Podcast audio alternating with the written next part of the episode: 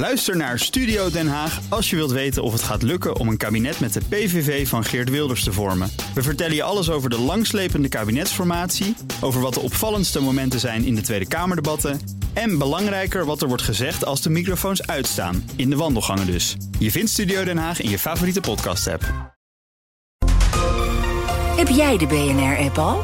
Met breaking news in de podcast De Koude Crypto-oorlog. Download app en blijf scherp. BNR Nieuwsradio. The Big Five. Art Rooijakkers. In een tijd waarin binnen de Nederlandse journalistiek de meeste aandacht lijkt uit te gaan naar opiniemakers en het zoveelste relletje, blijven onderzoeksjournalisten onverstoorbaar hun werk doen.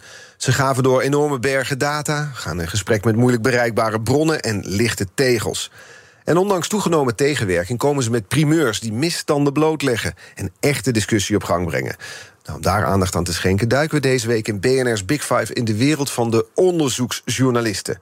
Vandaag de gast Daniel Verlaan. Hij is onderzoeksjournalist bij RTL Nieuws en maakt verhalen over, ja, over hackers, over cybercrime, over de duistere kant van het internet. Welkom Daniel. Hoi. Uh, voordat we het gaan hebben over het maatschappelijk nut van onderzoeksjournalistiek en over jouw verhalen, wil ik graag twee dingen van je weten. Uh, allereerst, je deed het afgelopen seizoen mee aan Wie is de Mol? Je won uiteindelijk. Was ook echt wel een afgang geweest als dat niet was gelukt als je onderzoeksjournalist. Hè? ja, kan je nagaan hoe, hoe, hoog de druk was op mijn schouders? Want het is best wel een, um, een moeilijk programma. Um, en, uh, en de kans is relatief klein dat je wint. Maar ik weet toen er alles van. Ja, toen ik. Um, meedeed, toen had iedereen het, um, nou eigenlijk het idee van... oh, die gaat sowieso winnen. Oh, dan hoeven we eigenlijk niet meer te kijken. Hij wordt sowieso de winnaar. was al bepaald toen ja. jij meedeed. En toen dacht ik... Oh, ja, Alsof ze tegen Messi moesten voetballen. Precies, dus ik vond het, uh, vond het erg spannend. Maar ik, ik ben heel blij dat het is me gelukt. Het was wel een kleine, kleine stiekeme droom van me, ja, absoluut. Ja, maar de druk was hoog op je schouders dus. Ja, absoluut, ja. Tweede vraag over onderzoeksjournalistiek. Stel je nou eens een wereld voor... waarin onderzoeksjournalistiek niet zou bestaan. Hoe zou dat eruit zien?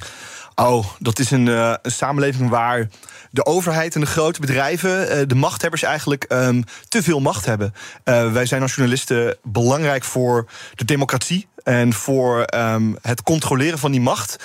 En als zij vrij spel krijgen, waarbij er geen onderzoek meer wordt gedaan naar de misstanden die in Nederland voorkomen, um, naar de dingen die mensen zouden moeten weten, om op basis daarvan een betere maatschappij te vormen, dan uh, zou dat in mijn ogen een hele, hele, hele slechte maatschappij zijn. Ja, omdat te veel macht bij overheid bij bedrijven ligt. Dus la laten we meteen eens inzoomen op, op die onderzoeksjournalistiek, op een, een voorbeeld van goede on onderzoeksjournalistiek in jouw ogen. Een goede onderzoeksjournalistiek. Nou, ik vind um, het, ons dossier wat we jarenlang hebben gedaan bij de toeslagenaffaire met RTL Nieuws samen Trouw. Uh, toen mijn toenmalige uh, collega, nog Pieter Klein, onderzoeksjournalist ook. Hij zit nu bij Nieuwsuur, hè? Nieuw, hoofdredacteur van Nieuwsuur, ja. Um, hij heeft uh, samen met Trouw gewoon geweldig uh, werk gedaan. Hij heeft namelijk um, het falen van uh, beleid van de overheid, het kwaadwillende ook daarvan, heeft hij blootgelegd. En hij heeft vooral mensen een stem gegeven die niet werden gehoord. En ja, want er was een hele grote groep mensen, toch voor de mensen die het misschien niet ja, helemaal het verhaal oh, ja. voor ogen hebben. Vooral mensen met een dubbele nationaliteit, die extra, of met, met een exotische achternaam, die werden extra gecontroleerd. En dan werd er, nou, werden hun toeslagen werden ingehouden. Ja, wat echt tot vreselijk schrijnende situaties leiden. Uh, met mensen die rekeningen niet meer konden betalen. Mensen die geen uitweg meer zagen. En um, ik bewonder uh, onze berichtgeving er altijd heel erg over. Uh, ik, heb, ik heb er zelf namelijk niet niks mee te maken gehad, maar ik dacht wel. Wat bewonder je eraan dan? Nou, ik vind het zo gaaf en zo goed dat dit wordt gedaan. Ook omdat wij um, toen heel erg uh, de mensen waar het om ging centraal hebben gezet. We hebben hen de stem gegeven. Kijk, als journalist kan je vaak zeggen: ik vertel het verhaal, ik doe dit. Maar het gaat om andere mensen. En, en wij, in ieder geval bij RTL Nieuws, is, is het vaak dat wij proberen hen centraal te stellen. Omdat we, we praten niet over hen, we praten met hen. We laten hen graag aan het woord. Ja, en tegelijkertijd had een groot effect dat verhaal. Ik bedoel, ja. Het kabinet is, uh, is gevallen. Absoluut. Er zijn hervormingen bij de Belastingdienst. Zeker. Um, die mensen kregen een stem. Ja. Dus, dus wat dat betreft heeft het dan ook veel effect. Ja, ja uh, absoluut. Ik, ik weet niet of het zodanig veel effect heeft gehad in de politiek zelf. Je ziet dat daar toch de st standaard stramine nog steeds zijn. Waarbij mensen met leugens en, uh, en uh, gewoon wegkomen. Ik vind dat zelf ja, gewoon nog steeds schandalig. maar dat ben, ben, ik meer als journalist en als burger ook. Um, maar het is wel iets waarvan je ziet bij zowel de Belastingdienst um, als in heel Nederland dat het oog heeft geopend. En dat hier meer aandacht voor is. En dat de slachtoffers die zijn gemaakt al die jaren, dat ze eindelijk eens zijn gehoord. En dat is denk ik vooral voor hen en voor ons ook het belangrijkste. Ja, dus dat is vanuit jouw medium een verhaal waar je trots op bent... als we naar je eigen verhalen kijken. Jij maakt voor RTL Nieuws verhalen over hackers, over cybercrime... over, nou, ik zei het al, de duistere kant van het internet. Je schreef er ook een boek over, ik weet je wachtwoord. Op welk verhaal ben je zelf nou echt trots? Um, nou, um, ik vind... Um, uh, mijn onderzoek, uh, wat ik toen deed met mijn onderzoekscollega's hoor, dat deden we in een team. Um, uh, want vaak zo is het ook dat je in een team werkt. Maar het onderzoek naar de software waarmee onze Tweede Kamerverkiezingen, de stemmen daarvan worden geteld. dat, dat gebeurt met software, dat wist ik ook niet toen ik het hoorde. Um, dat we dat hebben onderzocht en hoe we dat hebben ge gebracht in dat het gewoon enorm onveilig is. Dat was in 2017 alweer. Ja, het ja, het is echt lang geleden alweer. Maar ik ben hier denk ik het meest trots omdat het. Want die software was lek, bleek. Ja, ja, en wat er zo belangrijk was, is dat iedereen met kwaadwillende bedoelingen eigenlijk ongemerkt de zetelverdeling in Nederland kon aanpassen. Al die jaren al. En um, we hadden toen ook iets achter de hand gehouden. We hadden een scriptie gevonden van een masterstudent... die jaren daarvoor uh, bij de kiesraad... de partij die hiervoor verantwoordelijk is voor de verkiezingen... dit al had aangekaart. Die had daar stage gelopen. En wij hadden dat achter de hand. En we hebben eerst in december naar de kiesraad gaan van... joh, ken je, je deze lekkende software dan dat? En toen de kiesraad, nou, we zijn er pas net van op de hoogte... en we kunnen het niet fixen allemaal voor de Tweede Kamerverkiezingen. En toen hebben we een tweede trap eigenlijk gegeven... een soort digitale trap met... de kiesraad was al jaren op de hoogte van deze probleem. Want we hadden die student gevonden en zijn scriptie... en daar hadden ook op gesproken. Die eigenlijk zei, ja, die kiesraad wilde niet dat, uh, dat ik naar buiten kwam. Was vooral, zij waren vooral bang dat ik naar de media zou stappen. En als je over nadenkt over, over zo'n verhaal. Um, dit was mijn eerste grote onderzoeksverhaal. Yeah. Um, en je, het, het, gaat om de democratie. Het gaat om wie ons land bestuurt. En als dat wordt gedaan met software die inherent onveilig is... en waar iedereen maar een beetje kan aansluitelen... Um, tegelijkertijd, het wordt op computers gedraaid... die slechter beveiligd zijn dan de gemiddelde iPad. En dat er allemaal gevaren zijn vanuit buitenaf. Rusland, noem, noem het maar op. Um, intern ook. Ja, ik, uh, ik ben daar wel heel trots op dat dat heeft bijgedragen aan de veiligheid van onze Tweede Kamerverkiezingen en daarmee gewoon onze democratie in het algemeen. Tegelijkertijd stelt me ook gerust als er al jarenlang zo'n lekker software is en er blijkbaar niks aan de zetelverdeling is gedaan. Nou, dat weet ik dus niet. Ja, of het is wel misschien gebeurd. Dat weet ik niet. Ik, ik, ik, ik heb geen idee. We hebben bijvoorbeeld gevraagd toen over het Oekraïne-referendum, wat bijzonder was geslaagd toen. Um, van joh, um, mogen wij daar de stemmen nog van inzien? Uh, kunnen we dat zien? Maar die waren allemaal vernietigd en we kunnen nooit die. die, die ja, die nooit achterhalen of daadwerkelijk ook die achterdeur gebruikt is. Nee, nee, dat is heel lastig te achterhalen. En, um, maar wat wel uitkwam uit onafhankelijk onderzoek van cybersecurity-bedrijven die die software hebben onderzocht, is dat ze inderdaad zeiden: mensen met technische kennis die konden van buitenaf, zonder dat we het wisten, de zetelverdeling aanpassen. En ik ben dus heel blij dat we toen alle stemmen met de hand zijn gaan tellen. Ik denk dat mensen dat nog wel kunnen herinneren. Mm -hmm. En want met de hand tellen heb je misschien wel meer kans op een kleine fout of een telfoutje, maar zal je nooit echt grote zetels naar een andere partij kunnen doorsluizen. En daar ben ik heel trots op. Eigenlijk ben je in zekere zin bij de inspiratie geweest van Donald Trump. Ik zag hem net voorbij komen op CNN. Hè, die zegt dat het allemaal grote fraude was. Ja. Dat er met de hand geteld moet worden en noem maar op en zo. Misschien heeft hij jouw onderzoek destijds wel gezien. Nou, ik, uh, ik, mag het hopen. Ik, uh, ik, denk dat hij er een stuk wijzer van wordt, eerlijk ja, gezegd. Ja. Het was jouw eerste grote verhaal, zei je al. Ja, dit was echt de, de, mijn, mijn allereerste hele grote onderzoek. Wat, wat is het moment van de grootste kick dan? Het moment dat gepubliceerd wordt, het moment dat je beet hebt... dat je denkt, ja, dit kunnen we nu gaan brengen, het verhaal heb ik rond... Um, nou, er zijn best wel veel kicks, moet ik eerlijk zeggen. En ik denk dat veel onderzoeksjournalisten um, ook dit zullen bevestigen dat die kicks juist, daar gaat het. Het zijn adrenaline shots eigenlijk. Het is heel verslavend ook. Maar je moet er goed voor oppassen dat dat niet de leidraad wordt. Zeg maar dat je niet leidend gaat doen naar de, naar de kicks. Maar bijvoorbeeld het eerste de eerste tip hè, die je vaak krijgt, is al een soort kleine kick. Dan als je het bevestigd krijgt, is een kick. Bij de publicaties een kick. Maar ook vaak als een uh, persoon of een partij waar je reactie om vraagt liegt. En dat weet je vaak, want je hebt vaak informatie achter de hand. En dat is ook een kick, want dan weet je, ik heb beet. Ze zitten te liegen hier. En dan weet je dat je, dat je ergens aan het roeren bent waarvan ze niet willen dat je erin gaat roeren. En uh, vooral bij, de, de, bij mij kwam de kick vooral toen uh, toenmalig minister Plasterk zei: Deze software, jongens, na tweede verhaal van RT Nieuws kan echt niet meer. We gaan alles met de hand tellen. En toen heb ik, volgens mij heb ik echt ben ik, volgens mij om, omhoog gesprongen en zei: Yes, dit, dit wilde ik namelijk. Want ik wilde niet dat die software bepalend was voor onze Tweede Kamerverkiezingen als die zo slecht beveiligd is. En dan heb je dus in die zin met een verhaal een doel bereikt dat je voor ogen had. Ja, dit was, uh, heel, ja, was heel belangrijk. Um, en niet alleen uh, voor mij, maar ik denk voor gewoon ook voor onze, uh, voor onze tipgever en onze, onze, de, de, de mensen waarmee het hebben samen gedaan. En ik vind het nog steeds heel belangrijk, want het gaat vaak over: moeten we wel digitaal stemmen? Is dat wel oké? Is dat niet veel makkelijker? En ik ben echt heel erg in de partij. Nee, absoluut niet doen. Altijd handmatig doen met papieren. Ik weet dat het een gedoe is, I know. Maar iets digitaal is bijna niet uh, goed veilig te krijgen. En eigenlijk alle kenners van technologie zeggen dit altijd hetzelfde. En ik ben heel blij dat dit verhaal er ook aan heeft bijgedragen. The Big Five. Art Rojakkers.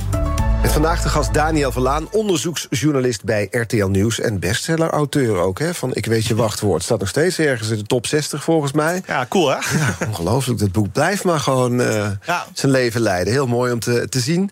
Um, laten we eens kijken naar een ander verhaal dat je maakte. Dat was in coronatijd, was je voor, denk ik ook trots op. Toen ontdekte jij illegale handel in de privégegevens... van echt miljoenen Nederlanders... uit twee coronasystemen van de GGD. Zo vat ik het maar even samen. Vat ik het goed samen? Kun je ons geheugen nog even opfrissen? Ja, dat was het. Het was een, um, een, uh, eigenlijk dat er een grootschalige illegale handel plaatsvond in onze privégegevens en ook medische gegevens. Hele gevoelige gegevens, dus uh, die in die systemen stonden. Er waren twee systemen: één voor het bron- en contactonderzoek en één voor het test- en de vaccinatiesystemen. Um, en ik weet nog wel, ik zat op een zaterdag gewoon. Ik had niet zoveel te doen. En het was allemaal tijdens corona heel veel Precies, mensen, ja, ja, En ik zat gewoon thuis en ik was alleen. En ik Behalve dacht, ja, leraar. Ik sprak laatst een leraar oh. die zei: iedereen in mijn omgeving heeft een tuinhuisje geverfd of opgeknapt. En ik was ondertussen allemaal thuis les aan het geven. Oh, ja. Die hebben echt hard gewerkt. Nee, ik, uh, uh, ik heb eigenlijk uh, toen. Ik zat gewoon niet zoveel te doen op zaterdag. En ik dacht, ik ga eens gewoon intikken GGD op, op de, de criminele groepen waarin ik zit op Telegram. En, Wacht even, het is een fascinerende zin die je daar zegt. Ja. Op de criminele groepen waarin ik zit in Telegram. Ja, ja ik, zit, ik heb veel contact met criminelen voor mijn werk. Um, goede bronnen. opgewekt? Ja, ja het, zijn, het zijn soms ook hele aardige mensen hoor. um, maar kijk, voor, voor, mijn, voor mijn werk is het heel belangrijk om contact te hebben met de Duitse kant van het internet. En daar horen ook veel criminelen bij. En ik zit dus ook in die groepen en ik doe me ook soms voor als crimineel. Ook om allemaal informatie te verkrijgen. En in dus je die... zit je te vervelen en je denkt, ik ga eens in zo'n groep duiken. Ja, nou, ik dacht, ik, ik, zat, ik, ik had daarvoor net een coronatest gedaan, volgens mij bij de GGD. En ik dacht, jeetje, wat de gegevens willen ze allemaal van mij. En ik dacht, hebben daar niet heel veel mensen toegang tot? En zou ik niet mijn eigen gegevens kunnen opkopen? Met die nieuwsgierigheid begint het. Ja, en uh, ik ben uh, toen in gaan tikken GGD, heel simpel eigenlijk. En uh, ik zag dat er GGD-data werd aangeboden. En dan is het vervolgens, dat is een lead. En vervolgens moet je gaan kijken, oké, okay, hoe kunnen we verifiëren dat die data daadwerkelijk uit de GGD-systemen komen.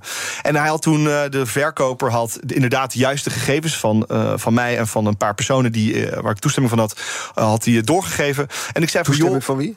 Uh, van, van mensen in mijn omgeving, dus bijvoorbeeld een collega. En dan zeg ik van, joh, mag ik jouw gegevens opkopen? Want als je je eigen gegevens opkoopt... ik zeg, mag, mag ik de gegevens van Daniel Vlaan?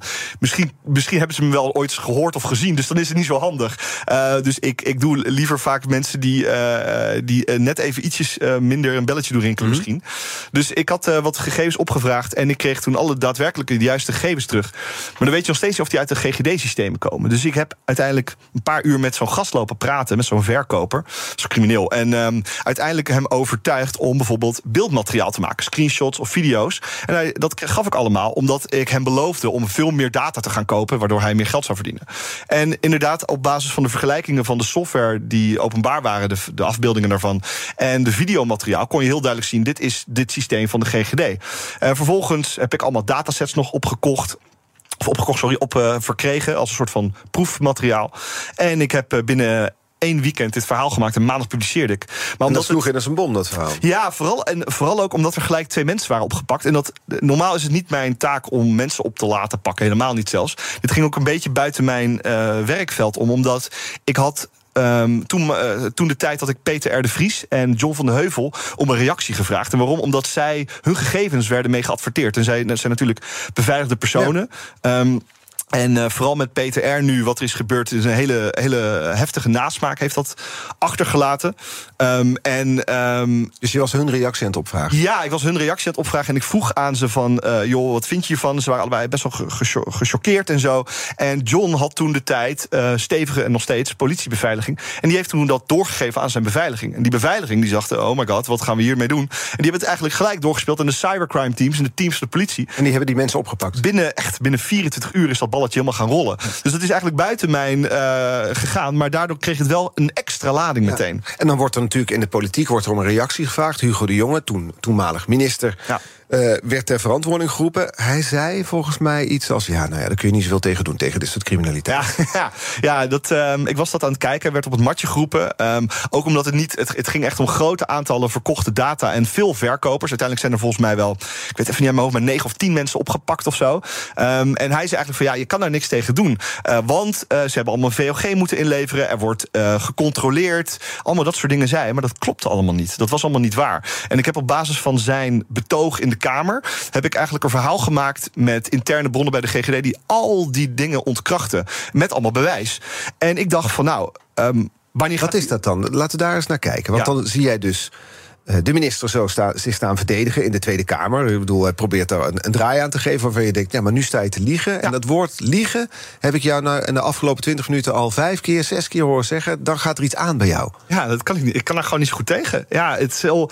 Ik, ik, ik um ik, eh, vooral als het, en dan moet ik wel zeggen, kijk, eh, liegen doet eh, misschien wel iedereen wel eens een keer. Maar als je een volksvertegenwoordiger bent en je uh, ligt de Kamer verkeerd in, en daarmee ook gewoon wij als burger, vind ik dat gewoon een ontzettende schande. Ja, dus en, dan denk jij, wacht eens even, hier, ja. ga, ik, hier ga ik op aan. Ja. Nu ga ik kijken of ik dit kan ontkrachten. Dat ja, verhaal. want ik wist bijvoorbeeld, hij zei van ja, iedereen die in die GGD-systemen heeft of zit, heeft sowieso een VOG nodig. En ik hoorde van verschillende mensen dat zij nooit waren gecontroleerd. van goed gedrag, hè? Ja, precies. Um, en ook bijvoorbeeld dat ja, dat de systemen dat die uh, zo veilig mogelijk zijn, dat er een periodieke controles worden uitgevoerd. Nou, aan, aan, de, aan de term periodieke controles hoor je al, dat is periodiek, dus dat is niet vaak. Mm -hmm. um, en dat moet bij zo'n systeem vol automatisch.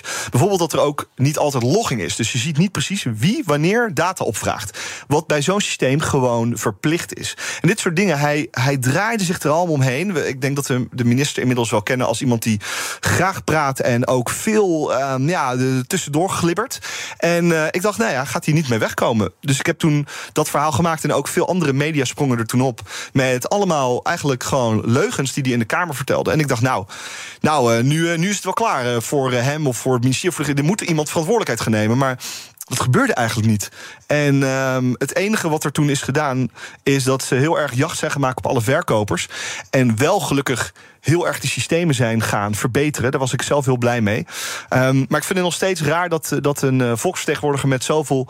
In, inmiddels misschien niet meer, we zijn er bijna gewend. Maar dat een volksvertegenwoordiger met veel leugens kan wegkomen. Ik vind dat, uh, vind dat nog steeds moeilijk in, on, aan onze samenleving. Ja, ja. ja dat is, want ik hoorde je het daar eerder ook al over zeggen. toen het ging over de toeslagenaffaire. Ja, ja. ja. ik vind dat gewoon.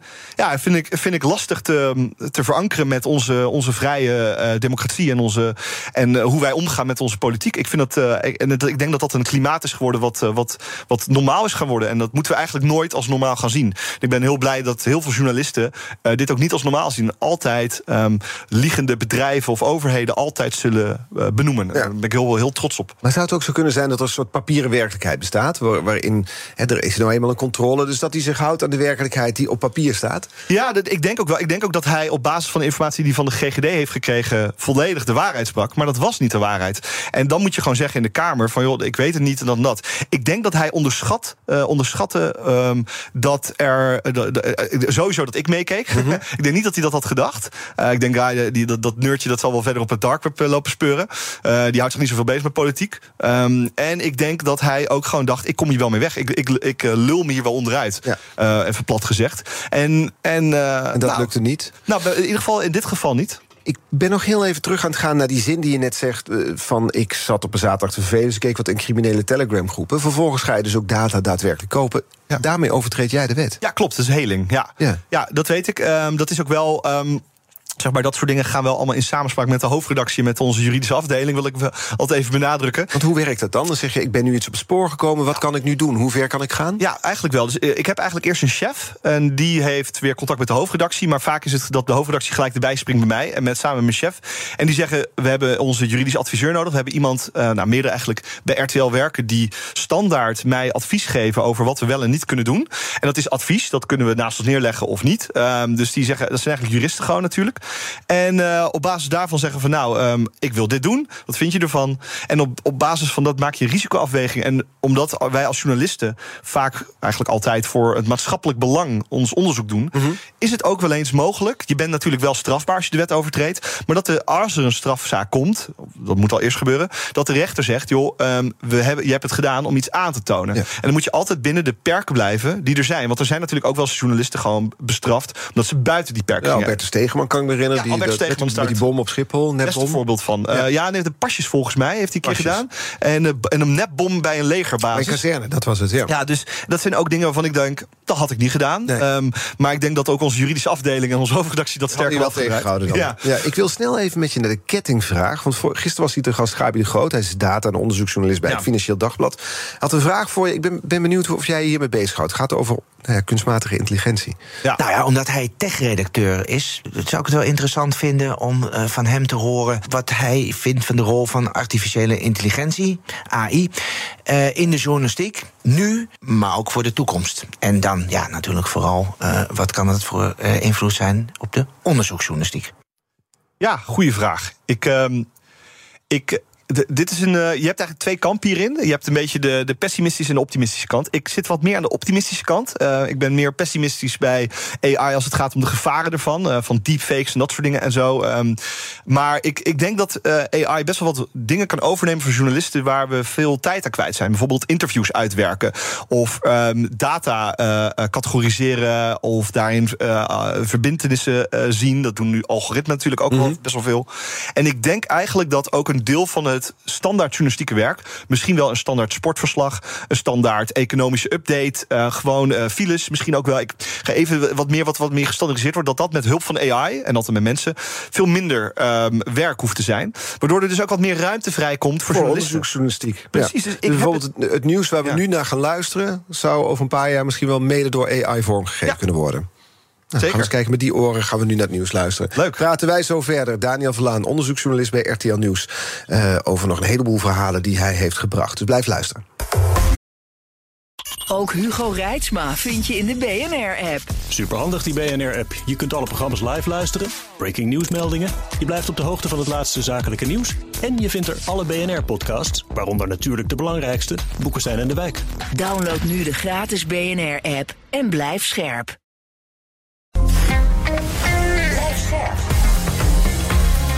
BNR Nieuwsradio. The Big Five.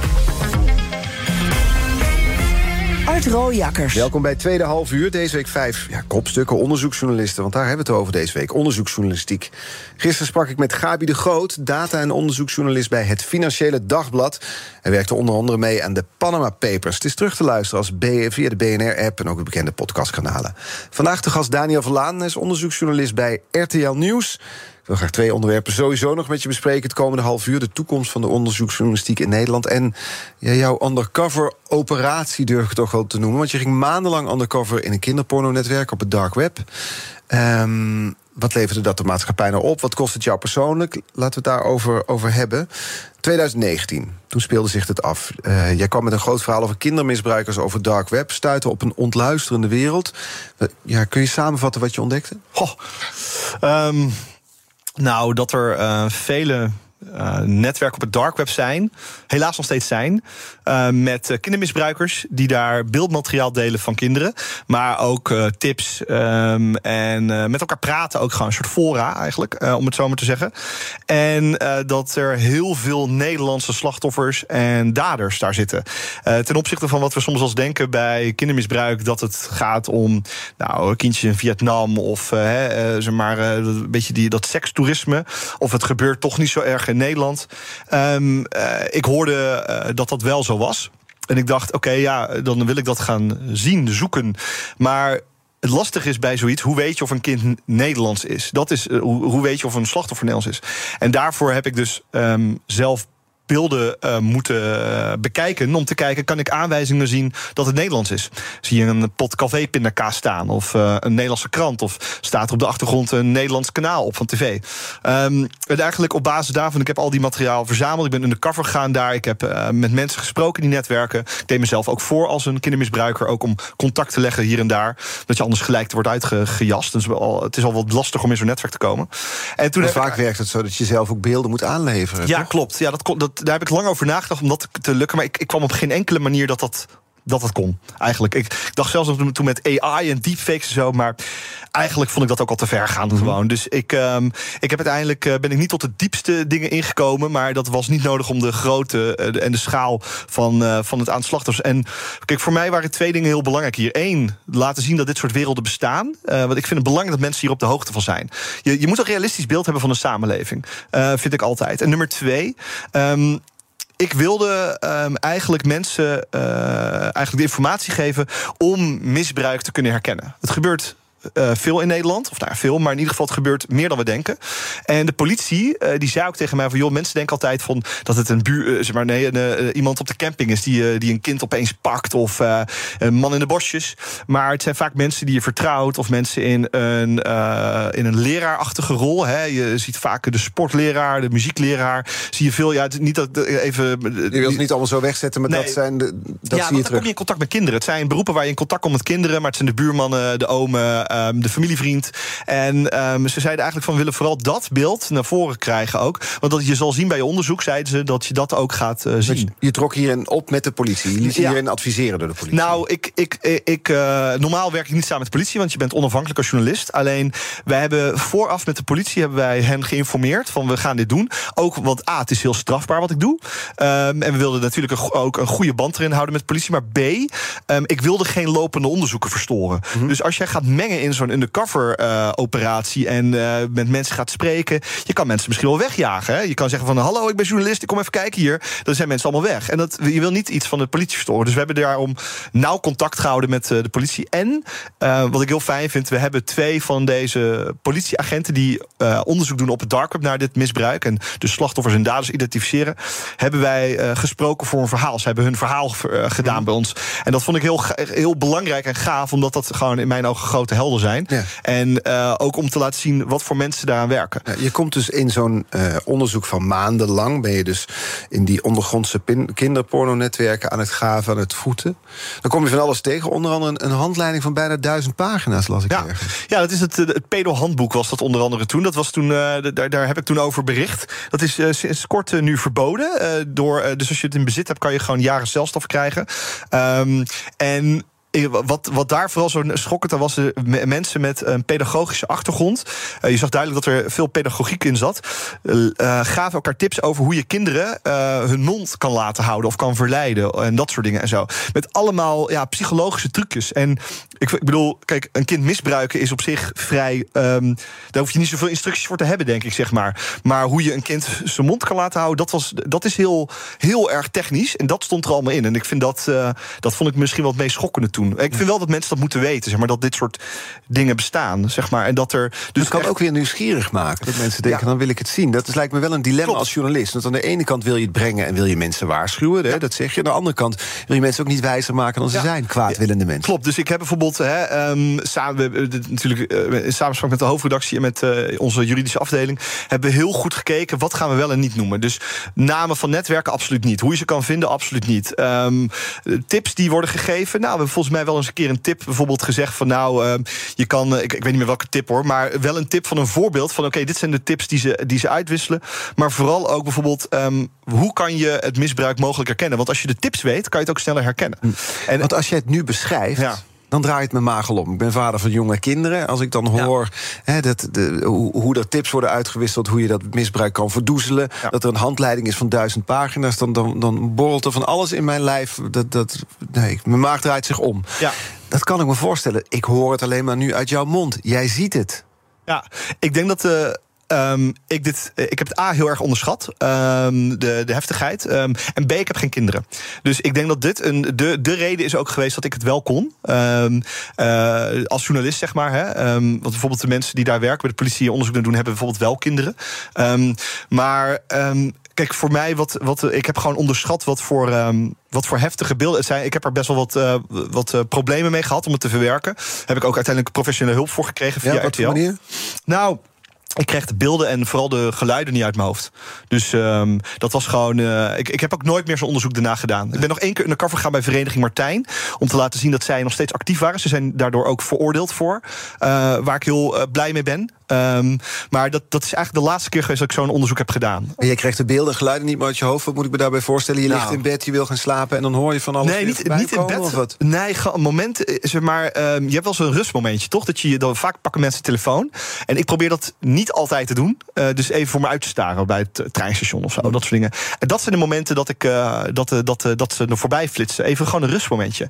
En dan merk je toch dat je dingen niet goed hebt verwerkt. Um, Hoe heb je het uiteindelijk verwerkt dan? Nou, Met die psychologische hulp? Ja, dus we hebben een traumapsycholoog. RTL heeft daar een contact mee. want we hebben natuurlijk journalisten die nare dingen zien. bijvoorbeeld beelden. Maar ook oorlogsmisstanden. Onze correspondenten hebben heftige dingen gezien. Dus um, ik heb daarmee gepraat. En hij zei eigenlijk van, joh, schrijf alles eens op. Alles wat je ziet voortaan, want ik was nog bezig met mijn onderzoek. Schrijf alles op. En dat heeft heel erg geholpen. Dus het eigenlijk van je afschrijven. En ik hoorde dat dat vaker bij psychotherapeuten wordt gegeven als een soort van verwerkingsmechanisme. Mm. En dat heeft eigenlijk heel erg geholpen. Maar ik ben toen ook wel drastisch mijn onderzoek terug gaan dringen. Omdat ik dacht, ik, ik trek dit gewoon niet. En ik heb er later pas veel, veel meer last van gehad ook. Ja. Dus het, is, het, heeft echt lange tijd heeft het, um, heeft het lopen, lopen etteren. En was jij op een bepaald punt in je persoonlijk leven dat je dacht, ik kan dit nu aan, zo'n onderzoek? Nou, ja, eigenlijk, uh, uh, zeg maar, ik begon dit onderzoek en daar kwam ik eigenlijk pas ook later achter. Uh, omdat ik gewoon iets wilde zien wat erg. Ik, ik zat toen niet in de goede periode van mijn leven, persoonlijk. En als je dan naar iets onderzoek gaat doen wat gewoon nog slechter is, nog veel erger is dan wat er bij jou in je leven aan de hand is, dan, dan verzag je daar een beetje de pijn mee. Het was een soort copingmechanisme. En dat, dat weet je niet op dat moment. Hè. Het is niet alsof van nou, ik voel me slecht, dus ik ga nog iets slechters doen. Maar ik denk dat dat er heel erg achter zat. Ik denk ook dat ik daar nu geen behoefte meer heb om dit soort onderzoeken te doen. En wil je een beter punt zitten in je leven? Ja, je had destijds ook bij wijze van spreken op een kinderboerderij of uh, weet ik het, wat, ja. wat konijnen kunnen gaan Ja, ik denk alleen dat je dan, uh, dan uh, ik denk dat journalisten vaak ook um, je zoekt de pijn op. Ja, ik denk nou, nou, je zoekt de pijn op. Ik denk dat wij graag uh, een betere wereld zien. En dat we ons eigen leed soms wel eens een beetje aan de kant zetten ook wel. Want het is heel, kijk, als je de hele dag te maken hebt met hele heftige dingen, uh, slachtoffers, uh, narigheid in de samenleving. Ja, wat, wat zit je dan over je eigen, eigen leven te, te, te moeilijk te doen? Mm -hmm. En ik denk dat we daar wat harder ook soms zijn. En, bij jezelf bedoel je dan? Ik, voor, ik bij mezelf, maar ik zie het ook wel bij collega's om me heen hoor. en dat we toch je strijd eigenlijk, en net als veel mensen in Nederland op een eigen manier strijden voor een betere samenleving. En dat je je eigen ik kan me voorstellen, bijvoorbeeld als je docent bent, dat je uh, al als je kinderen ziet struggelen in je klas of die hebben een probleem of dat soort dingen, dat je denkt, ja, ik moet die kinderen helpen, ik mm -hmm. moet ze helpen. En dat je misschien je eigen leven daar wel een beetje mee voorbij streeft. En ik denk dat dit een mooi voorbeeld is hoe het in een andere carrière uh, pad kan lopen. Gaan. Ja. ja, je won er een tegel voor, hè? journalistieke prijs voor het ja. verhaal over het kinderporno-netwerk. In die tijd dat je dan zelf niet goed in je vel zat. Is dat dan een soort bekroning voor een heel zware tijd? Nou, ik uh, nee. Um, ik, ik heb toen, ik heb toen niet de tegel uh, gewonnen. Uh, en ook een loop datzelfde jaar, weet ik nog wel. En dat waren sinds een hele goede prijzen in de journalistiek. Maar um, ik ben, ik ben er nu heel blij mee hoor. Ik, vind, ik ben er hartstikke trots op. Um, en ik vind, ik vind het eer dat ik dat heb mogen winnen. Maar ik heb daar toen. Uh, ik zat daar echt als een soort zombie. Ja? Ik, ja, ik was echt totaal niet goed daar nog. Uh, ik zat echt net in de, in de, in de ongeveer de heftigste periode van mijn leven toen. En uh, dat is pas echt later opgelost. Dus ik stond ook op het podium, weet ik nog wel. En. Um, ja, ik deed maar een beetje leuk. En uh, dat was het eigenlijk. Dus uh, ik uh, vind het heel jammer dat ik er niet zo van heb kunnen genieten. Nee. Um, maar goed, ik um, ben wel heel, heel blij dat, dat het goede werk bij, bij mensen is opgemerkt. Ja, en, nou, het is opgemerkt. Sterker nog, er was de moeder van een, een jongetje dat zich bij jou meldde, toch? Ja, wel de, een van de slachtoffers die, die slachtoffer was. tenminste, die, die, een van de, de moeder van een van de slachtoffers. Zijn beelden werden verspreid in dat netwerk. dat hadden we ook geverifieerd. Ze had haar verhaal gedaan tegen ons. ook een vorm van verwerking voor haar. En zij zij belde me eigenlijk huilend uh, op, of ons eigenlijk, van joh, ik uh, ben zo blij uh, dat die netwerken offline zijn gaan. Want na onze publicatie gingen heel veel van die netwerken gek genoeg offline. Ik weet niet of dat door mij komt of door iets anders. de politie heeft er nooit opgeëist. Maar zij was zo blij dat die netwerken offline gingen, want het gaf haar zoon, die slachtoffer was, een beetje een gevoel van rust. Omdat hij dacht, mensen zien mijn beelden niet meer de hele tijd. Die, kon niet meer, die, die liep niet meer lekker over straat. En zij was er zo blij mee. En dat heeft mij veel meer gedaan dan welke prijs dan ook, eerlijk gezegd. Ook Diana Matroos vind je in de BNR-app. Ja, inderdaad. Je kunt live naar mij luisteren tijdens de Big Five. Ook handig in de BNR-app. Breaking nieuwsmeldingen, maar ook het allerlaatste zakelijke nieuws. En je vindt in de app alle BNR-podcasts, waaronder Wetenschap Vandaag. Download nu de gratis BNR-app en blijf scherp. BNR Nieuwsradio. The Big Five. Art Rojakkers. Je luistert naar BNR's Big Five van de onderzoeksjournalisten. Later deze week praat ik nog met Erik Smit. Hij is medeoprichter en co-hoofdredacteur van Follow the Money. Schrijft graag over witte criminelen en hun handlangers... omdat die nou ja, rechtvaardige, open samenleving ondermijnen. Dan gaan eens uh, terug te luisteren, ook als we het straks hebben uitgezonden... dus via BNR en de podcastkanalen. Zoals het gesprek van gisteren ook met Gabi de Groot. Vandaag de gast Daniel Verlaan, onderzoeksjournalist bij RTL Nieuws... Als we kijken naar onderzoeksjournalistiek, jij bent uh, een van de jonge honden binnen de journalistiek, onderzoeksjournalistiek. Hoe, hoe, wordt het gewaardeerd, heb jij het idee in Nederland? Um, nou, Kijk, in, uh, toen ik ooit begon als journalist, was ik gewoon. Uh, was ik, uh, ik, ik, wilde over technologie schrijven. En. Um, Um, eigenlijk in, in onze branche, zeg maar, bij, de, bij onderjournalisten, wordt onderzoeksjournalistiek gezien als het hoogst haalbare vaak. Uh, dat is iets wat heel veel mensen ambiëren. En, um, maar ik had, dat, dus, ik had dat nooit. Ik wilde gewoon over technologie schrijven. En langzaamaan is dat een beetje gevormd. En ik durf me eigenlijk ook pas, volgens mij, pas een jaar of zo onderzoeksjournalist te noemen. Dus ik voel me helemaal vereerd dat ik hier mag zitten. Maar ik denk dat ik het al veel langer was. Alleen mm. niet. Ik, ik, ik vond het een hele. Het is een hele. Dus, dat geeft aan hoe bijzonder deze titel is voor veel journalisten. Het is een erebaan. Ja, het is absoluut een erebaan. Ja. Het is vaak ook dat je wordt beloond met na 10, 15 jaar werken bij een medium van nu mag jij onderzoek gaan Op doen. de researchredactie, ja. ja. ja. Jij gaf dus, het geld dat je verdiende met uh, Wie is de Mol, pardon, de winst. Ja gaf je aan jonge onderzoeksjournalisten hè, via de VVOJ, ja. Vereniging van Onderzoeksjournalisten. Ja. Mooi gebaar, sowieso dat. Maar, maar krijgen ze onvoldoende steun? Of? Nou, nee, eh, op zich niet. Ehm, maar wat ik zie is dat er veel jonge onderzoeksjournalisten zijn. Er zijn heel veel gave nieuwe platformen opge opgezet. Vers Beton uit Rotterdam, mm. Investico, de Investigative Desk, Groene Amsterdammer. Die, die bestaat wat langer. Het zijn allemaal jonge uh, partijen ook wel, of me mensen met jonge mensen... die heel veel goede onderzoeksjournalisten hebben. En ik dacht, hoe gaaf is het om die jonge onderzoeksjournalisten... die graag onderzoeksjournalist willen worden... en normaal moet je daar tien jaar bij een bedrijf voor werken of bij een organisatie. Om hen zeg maar te enthousiasmeren om eh, met workshops en met informatiebijeenkomsten en zo. Dus dat geld gaat daarheen voor specifiek voor die jongeren. Want uh, kijk, de ouderen hebben, die hebben hun eigen conferenties en dat soort dingen. Ja. Maar vooral voor de jongeren, daar, daar draait het mij vooral erg om. Want is er nu, uh, als je er naar kijkt, is, is er genoeg geld voor onderzoeksjournalistiek in jou over? Nou, ik, ik, ik dat, dat weet je. Je noemt die platforms. Ja. De, ik heb het idee dat er namelijk meer aandacht voor lijkt te zijn. Ja, dat wel. Kijk, ik weet niet, ik bedoel, ik ga niet over het geld bij RTL, gelukkig niet. Uh, anders zou het een hele grote pijn Allemaal worden. jouw kant op gaan natuurlijk, toch? Ja. Uh, nou, wat, wat, ik, wat je ziet, en ik denk wat we in de, in de, zeg maar in de journalistieke wereld zien, is dat er veel aanwas is van jong onderzoeksjournalistiek talent. Mm -hmm. En ik ben daar zelf echt super enthousiast over. Ik, en ik denk dat er een combinatie is van dat jongeren een ontzettende activistische houding hebben om een betere maatschappij uh, te creëren en de misstanden aan de kaak te stellen. Ik ben er zelf heel blij om. En, en deel, deel twee, ik denk dat media zich steeds beter realiseren dat je het beste kan onderscheiden met onderzoeksjournalistieke verhalen. Dus uh, kijk, het weerbericht heeft iedereen. Uh, sportuitslag heeft iedereen. een uitspraak van, van premier Rutte heeft iedereen. Maar wat niet iedereen heeft, is bijvoorbeeld laatst een heel goed verhaal van NOS op 3 en volgens mij Investico ook over uh, het, uh, zeg maar het racisme uh, en de discriminatie bij duo, bij studenten ja. met een migratieachtergrond. Ik vond dat zelf een mega goed verhaal. En dat zijn wel de verhalen waarmee je jezelf onderscheidt. En dat is niet iets wat iedereen heeft. En dat, dat is het gesprek van de dag. En dat heb jij dan ge gedaan als uh, medium. En ik denk dat dat het beste is, ook voor je eigen geloofwaardigheid en voor je vertrouwen. Ja, nu noem jij NOS op 3, dat zijn de collega's van de, de NPO. Ja. Zie je daar goede, goede onderzoeksjournalistiek? Uh, ja, nieuwsuur. Genoeg? Uh, nou, ik vind uh, dat het bij de NOS wel een stukje meer mag. dat, dat, maar dat zeg ik al 10 jaar hoor, of 15 jaar. Ik Ze vind... luisteren niet naar je, bedoel je?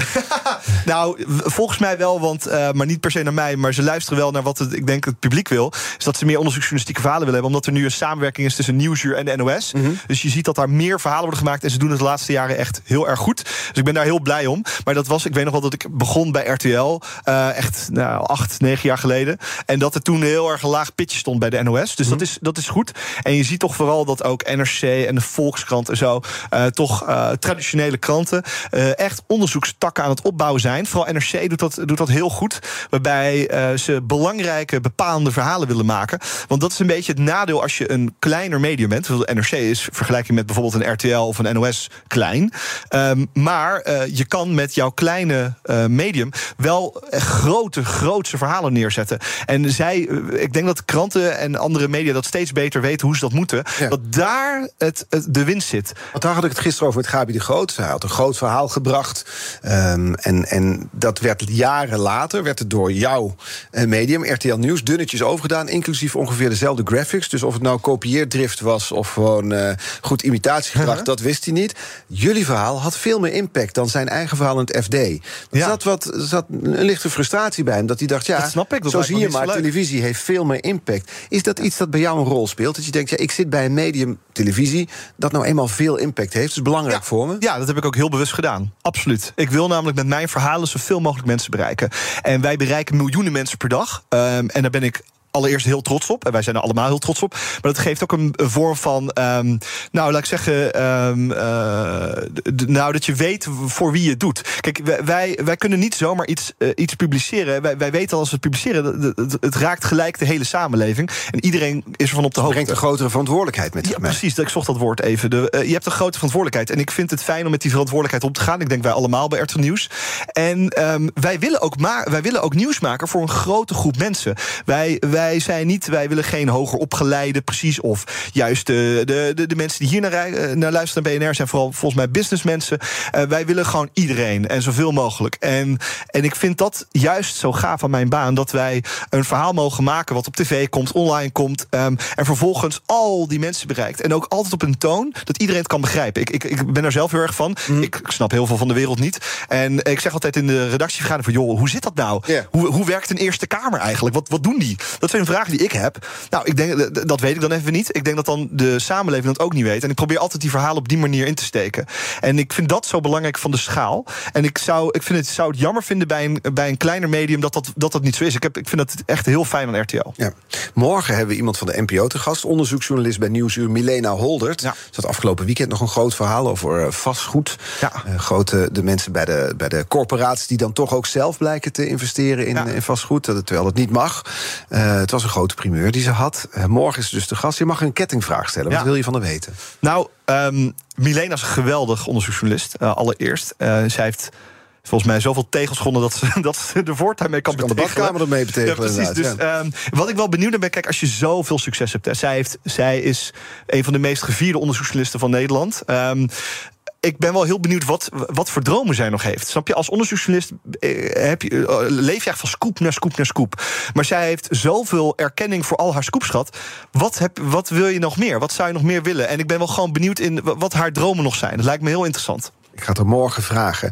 Dat geldt eigenlijk ook voor jou. Want jij zit nu in een, in een periode. Je hebt, eh, ik, ik zei het al, je hebt een boek geschreven. Er kwam een podcast over. Er kwam zelfs een Videoland-serie over. hè, Over Ik weet je wachtwoord. Het was een, een, een jaar of twee, drie zat je denk ik in een enorme achtbaan Ja. eh, qua werk. Nu komt er dan een nieuwe fase aan. Wat, Ja. wat zit er voor jou in het, eh in het? Ehm, nou, ehm, ik, mijn grote droom was meedoen naar Wie is de Mol. Dat is een beetje terug, maar dat, dat, dat is gelukt. Dus je bent klaar nu. Ja, eigenlijk wel. Maar nee, ik wil heel graag nog een kinderboek schrijven. Daar heb ik nu plannen voor. Een kinderboek over online veiligheid. Eh, ik, dat, ik vind dat heel erg leuk.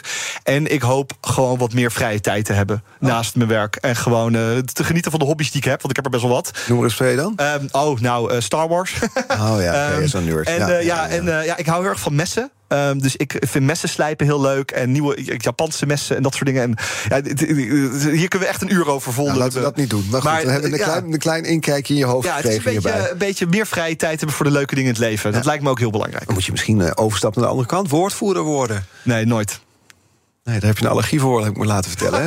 Dacht, die wil ik nog heel even opgooien. Nou, nee, ja, nee. Ik, eh, woordvoerders zijn er om het werk van journalisten moeilijker vaak en lastiger te maken. Ik heb in ieder geval die ervaring. Ik heb ook heel veel ervaring dat dat het liegen.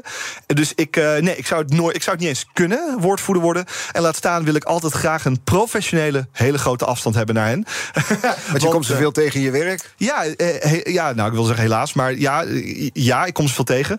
Maar ik heb... eh, Ja, helaas ook bedoelde je toch? Ja, nou ja, zij hebben een ander belang dan ik. Ik wil het, de waarheid op tafel krijgen en zij willen het spinnen. En ik kan er gewoon heel slecht tegen. En ik heb ook heel vaak hele vervelende, lastige woordvoerders. Als je ziet hoeveel woordvoerders bij de overheid werken ten opzichte van het aantal journalisten, is echt bizar. Het is een meervoud van het aantal woordvoerders. Volgens mij 6 staat tot 1, dacht ik zelfs op het moment. Dus het is, ik, het is zo vervelend dat we in een samenleving leven waarin woordvoerders, spindokters eigenlijk, het veel meer voor het zeggen hebben bijna dan journalisten die met een veel kleinere aantallen zijn. ik Dus hoor een eh, scoop aankomen over woordvoerders. nou, het, ze zijn eh, voor bedrijven noodzakelijk kwaad volgens mij. Maar voor mij, eh, ik, eh, ik wil graag lekker mezelf mijn werk doen zonder hen. ja, slijp die messen maar. Figuurlijk en letterlijk. Dank voor de komst, Daniel van Laan. Dankjewel. Het was een interessant gesprek met je. Eh, onze afleveringen zijn terug te luisteren. Je kunt je abonneren op onze podcast via onze eigen app. Ook via je favoriete podcastkanaal. Dan hoef je geen aflevering te missen. Morgen dus Milena Holder te gast, onderzoeksjournalist bij Nieuwsuur. En nu op deze zender, eh, zender Ivan Verrips en BNR breekt. Tot morgen. Ook Liesbeth Staats vind je in de BNR-app. Ja, heel handig. Luister live naar Kees en mij tijdens de Daily Move. Dan blijf je ook gelijk op de hoogte van breaking news en het laatste zakelijke nieuws. En daar vind je ook alle BNR-podcasts, waaronder de Perestrooikast. Download nu de gratis BNR-app en blijf scherp.